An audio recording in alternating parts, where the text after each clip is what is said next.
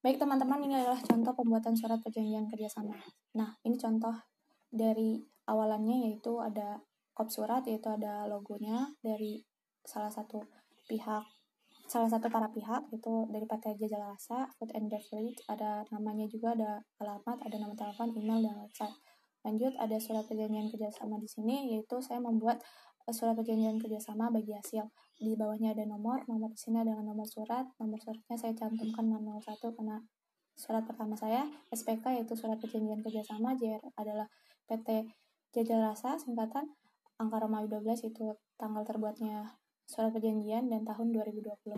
Sini saya awali dengan identitas, identitasnya ada nama, jabatan, usia, nomor KTP, jenis kelamin, instansi, nomor dan sama pun seperti di pihak kedua nama jabatan dan sebagainya yaitu pihak pertama selaku PT nama jejak rasa pihak kedua selaku nama nganah catering. Mereka mengajukan kerjasama atau kesepakatan bersama untuk mengadakan kerjasama usaha bagi hasil di atau dengan ketentuan-ketentuan dan syarat-syarat yang diatur dalam 12 pasal yaitu pasal 1 ketentuan umum. Di sini ada pihak pertama pihak kedua disebut para pihak. Nah isi-isi ketentuan ketentuan umum dari para pihak ini yaitu pihak pertama selaku investor dari PT Jajal Rasa kepada pihak kedua untuk memberikan dana atau modal.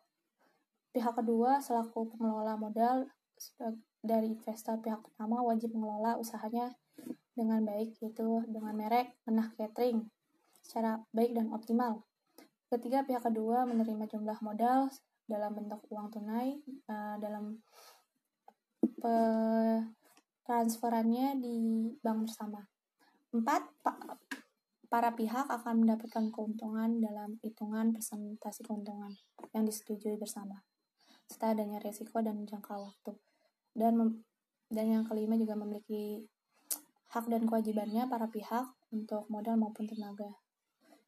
Pasal 2 modal usaha itu ada besar uang modal usaha yang seharusnya diserahkan oleh pihak pertama sebesar 100 juta, pihak kedua sebagai pengelola, pihak uh, pertama uh, menyerahkan sebu sebelum akad yang ditandatangani yaitu dana tersebut diserahkan sebelum akad ini ditandatangani. Pasal ketiga penggunaan modal.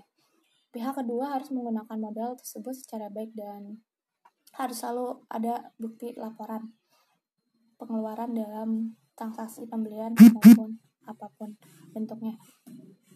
Pasal 4 keuntungan pembagian hasil yaitu pembagian sistem bagi hasil usaha keuntungan ini yaitu ada tiga yaitu para pihak uh, pihak pertama mendapatkan 20% laba bersih, pihak kedua mendapatkan 67% dari laba bersih dan memberikan zakat dari para pihak sebesar 2,5%.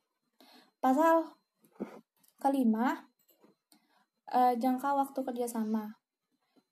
Eh, maaf, nilai nilai bagi hasil keuntungan ini dilaporkan dalam bentuk kegiatan tutup buku selama satu bulan sekali.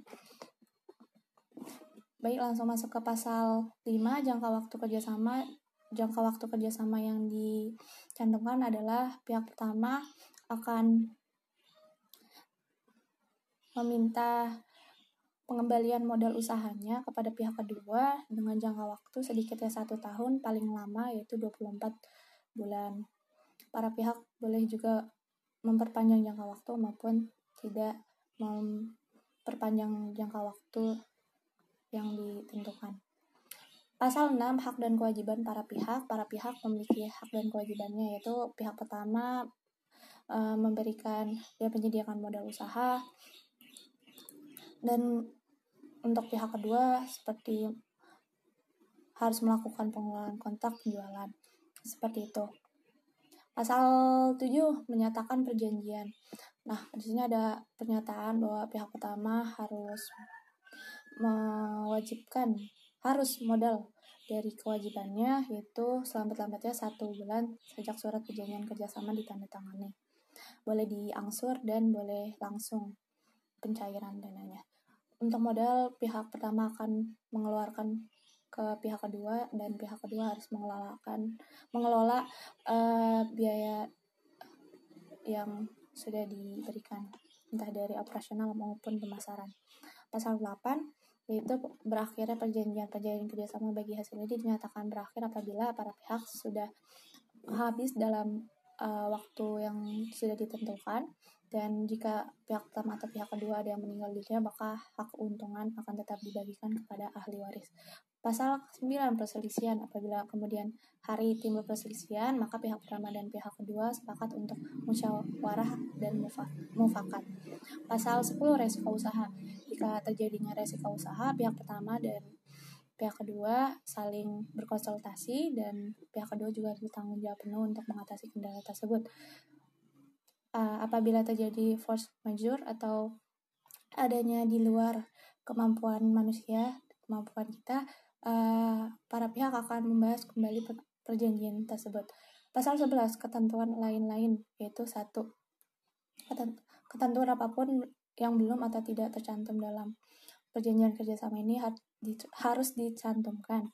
Kedua, penambahan atau adendum yang ada di dalam perjanjian ini harus dituangkan kembali secara tertulis atau ditandatangani kembali oleh para pihak. Jika ada penambahan, harus diulang kembali secara tertulis. Perjanjian ini dibuat dan ditujukan bagi semua pihak yang tercantum di dalam surat perjanjian ini dan pihak lain yang kemudian ditujukan dan disepakati oleh para pihak. Keempat, adapun peralihan hak dan kewajiban yang tidak tercantum dalam perjanjian kerjasama ini tidak dapat dilakukan. Kelima, seluruh isi perjanjian kerjasama sifatnya rahasia, para pihak telah sepakat untuk menjaga kerahasiaannya. Pengecualian jika uh, lembaga hukum ingin mengetahuinya, surat isi ini bisa dibuka.